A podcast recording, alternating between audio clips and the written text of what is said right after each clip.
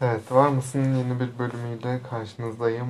Tamamen düzenden, tertipten yoksun bir şekilde çekiyorum maalesef. O yüzden kusuruma bakmayın. Zihin dili ve gönül dili. Yeni kavramlarla tanışıyoruz. Nedir bunlar ve nasıl dengelenebiliyorlar?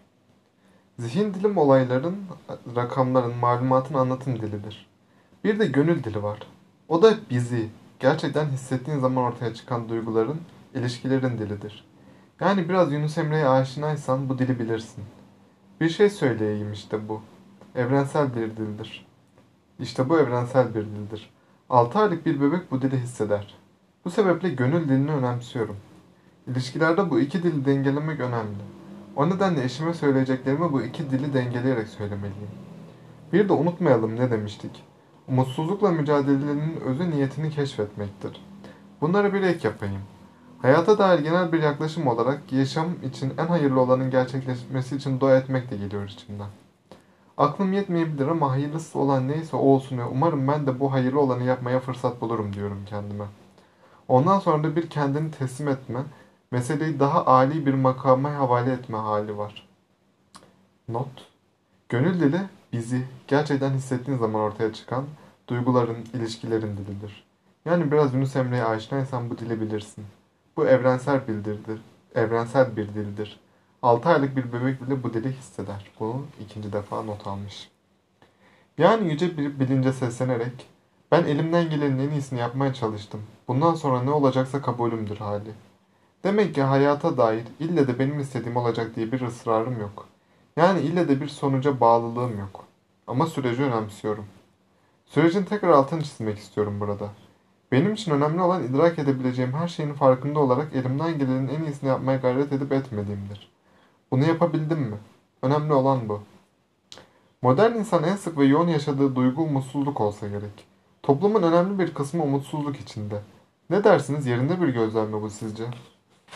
Bu yıl içinde 6 hafta arayla sosyal medyadaki takipçilerime ve okurlarıma iki soru sordum. Bu soruları sorarken okurlarım arasında mümkün olan en geniş kitleye ulaşmaya çalıştım. Birinci soru şuydu. Türkiye'nin toplumsal, bireysel, kültürel hayatına, ekonomisine baktığınız zaman nelerin aksadığını görüyorsunuz ve bunun sebepleri neler olabilir? Bu soruya gelen yanıt ve yorumların sayısı 10 bini geçti. İnsanlar kendi hayatlarından, devlet yönetiminden, eğitimden örnekler vererek meramlarını anlatmaya çalıştı. Bir ay sonra ikinci soruyu sordum. Toplum olarak güçlü tarafımız nedir? Hayatta kalmamızı, toplum olarak ayakta kalmamızı sağlayan, geçmişimizden, kültürümüzden gelen güçlü yönlerimiz neler? Bu soruya ise daha az sayıda bin kadar yanıt geldi. İçlerinden de ilgi çekici bir alternatif yoktu. Savaş halinde birlik oluruz, sıkıntılara karşı tek yumruk oluruz gibi yanıtlardı çoğu. Sosyal medyadan beni takip eden okurlarımın gelişmeye önem veren insanlar olduğunu düşünüyorum. Böyle bir sonuçla karşılaştığımıza göre evet, toplumun önemli bir kesimi umutsuz.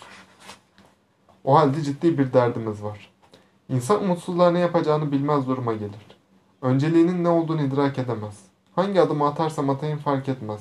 Zaten yaşamanın da bir anlamı kalmadı denmeye başlar. Umutsuzluk kişinin cesaretini de şevkini de kırar. Çıkış yolu yok. Duygusu güçlendiği için bireylerde belirli kişilere, kurumlara ya da hayata, hatta Allah'a isyan başlar. Orhan Gencebay'ın dediği gibi, kaderin böylesine yazıklar olsun, tavrı hakim olur. İsyanın temelinde aldatılmışlık ve haksızlığa uğramışlık duygusu vardır. Alttan alta sinsi bir öfke oluşur. Kişi farkında değildir ama konuştuğunda o duygunun orada durduğunu görebiliriz. Abim ablam hakkımı yedi. Bu toplum, bu eğitim sistemi hakkımı yedi gibi ifadelerde bulunur. Bu öfke dolu halin altında yatan sebeplerden biri de dikkate alınmama, yok sayılma duygusudur. Tıkanıp kalma. Umutsuz insan kendini bir çemberin içinde hisseder ve nereye dönerse dönsün bir çıkış bulamaz. Saat kadını gibi düşünün. Akrep 12'yi gösteriyor ama önü kapalı. Saat 3 önü kapalı. Saat 6 önü kapalı. Kendisini evrenin geri kalanında yalıtılmış hisseder. Aslında sonsuza kadar yalnız kalma korkusudur çektiği. Şimdi ve burada yoksam ileriyi de göremem. İşte umutsuzluk içindeki kişi içinde gelecek yoktur. O da çoğunlukla geçmişe yönelerek bu duruma tepki verir. Bu da bazen hezeyanlara, bazen de melankoliye yol açar. Kişi sürekli ya uğradığı haksızlıklardan ya da geçmişteki görkemli günlerden söz etmeye başlar. Ayrıca umutsuzluk hissi sinsidir. Umutsuzluğun yarattığı ruh halinden kurtulmak isteyen kişinin Başka meşgaleler yaratmaya çalışırken kendini işkolik, alkolik ya da çarpık ilişkiler yaşar halde bulması da olasıdır. Ama yine de yapılacak şeyler var. Böyle bir durumdan nasıl çıkılır?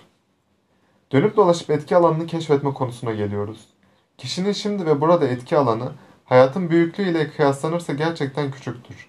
Ama yaşam dediğimizde küçücük alanların, deyim yerindeyse binlerce mikrokozmozun bir araya gelmesinden oluşur.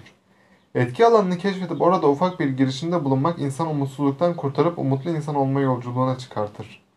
Beyin çabayı hisseder ve dopamin salgılar. Umutlu kişi çevresi ne kadar zorlu ve koşulları ne kadar kötü olursa olsun ayakta kalmayı, umutsuzluğa düşmemeyi başarır. Nazi kampında zor koşullarda varoluşunu ayakta tutabilen bir kişi olan ve insanın anlam arayışı kitabını yazan Viktor E. Frankl bu alanı keşfetti ve özet olarak şunları söyledi. Birey kendi değerleri ve inançlarıyla ilişkisini sıkı kurarsa kendisine bir alan yaratır. Bu alan sayesinde de biyolojisi, aklı, ilişkileri, duyguları ve değerleriyle aşkın bir amacı gerçekleştirmek için ayakta kalır. Umutsuzlukla mücadelede öğrenilmiş çaresizliğin üstesinden gelebilmek önemlidir. Ve bunun da yolu ufacık da olsa ilk adımı atmaktır. Diyelim ki derslerini çalışmıyorsun. Sınavlarına hazırlama, hazırlanamayacağını düşünüyorsun. Umutsuzsun. Önerim saatlerce çalışmayı hiç gözün kesmiyor olabilir. En azından 5 dakika çalışabilirsin. 5 dakika ile başla. İnan ki o ilk adımın sihirli bir gücü var. Derken o ilk 5 dakikadan sonra içinden 10 dakika çalışmak gelir. Böylelikle yavaş yavaş ilerlemeye başlarsın. Şüphesiz toplum olarak sürekli şikayet etmek yerine bu ilk adımı atmasını öğrenmeliyiz. Nasıl atılacak bu adım? Mesela bana Türkiye için bir dilek dileseniz ne olurdu diye sorsalar, Türk vatandaşlarının etki alanlarının ve bu etki alanının içerisindeki önceliklerinin farkına varıp ona göre sorumluluk almalarını isterdim diye yanıtlardım. Toplum olarak biz herkesi tenkit etmeyi severiz, biliyorsun. Ekonomide, siyasette, sporda, her konuda. Ama kendimize dönüp bakıyor muyuz? Örneğin evde 3 aydır bozuk olan bir sifon vardır ve sürekli su akıtıyordur diyelim. Bunu gayet iyi bildiğimiz halde kalkıp onu tamir ettirmeyiz. Dahası insanımız bu basit hareketin Türkiye'nin geleceği ve ekonomisiyle ilişkisini henüz kurmuş değil. Çocuklarına bu şekilde örnek olmanın Türkiye'nin geleceğine ne kadar büyük zarar veren bir tavır olduğunu farkında değil. Bir anne babanın etki alanı içinde o tamirat sonuç üretiyor. Sorun çözüyor. Yapmazsan sorun kalıyor. Aylarca da sürüyor. İşte sana mikrokozmos. O nedenle etki alanı ve etki alanının içerisine giren önceliklerin farkına varıp onların sorumluluğunu alma meselesini çok önemsiyorum.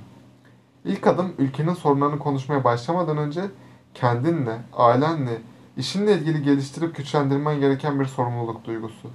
Ailede sorumluluk almanın önemini herkes kavrayacak ve herkes kendine gö düşen görevi yapacak. Bir tek şey değişse, bir tek şey.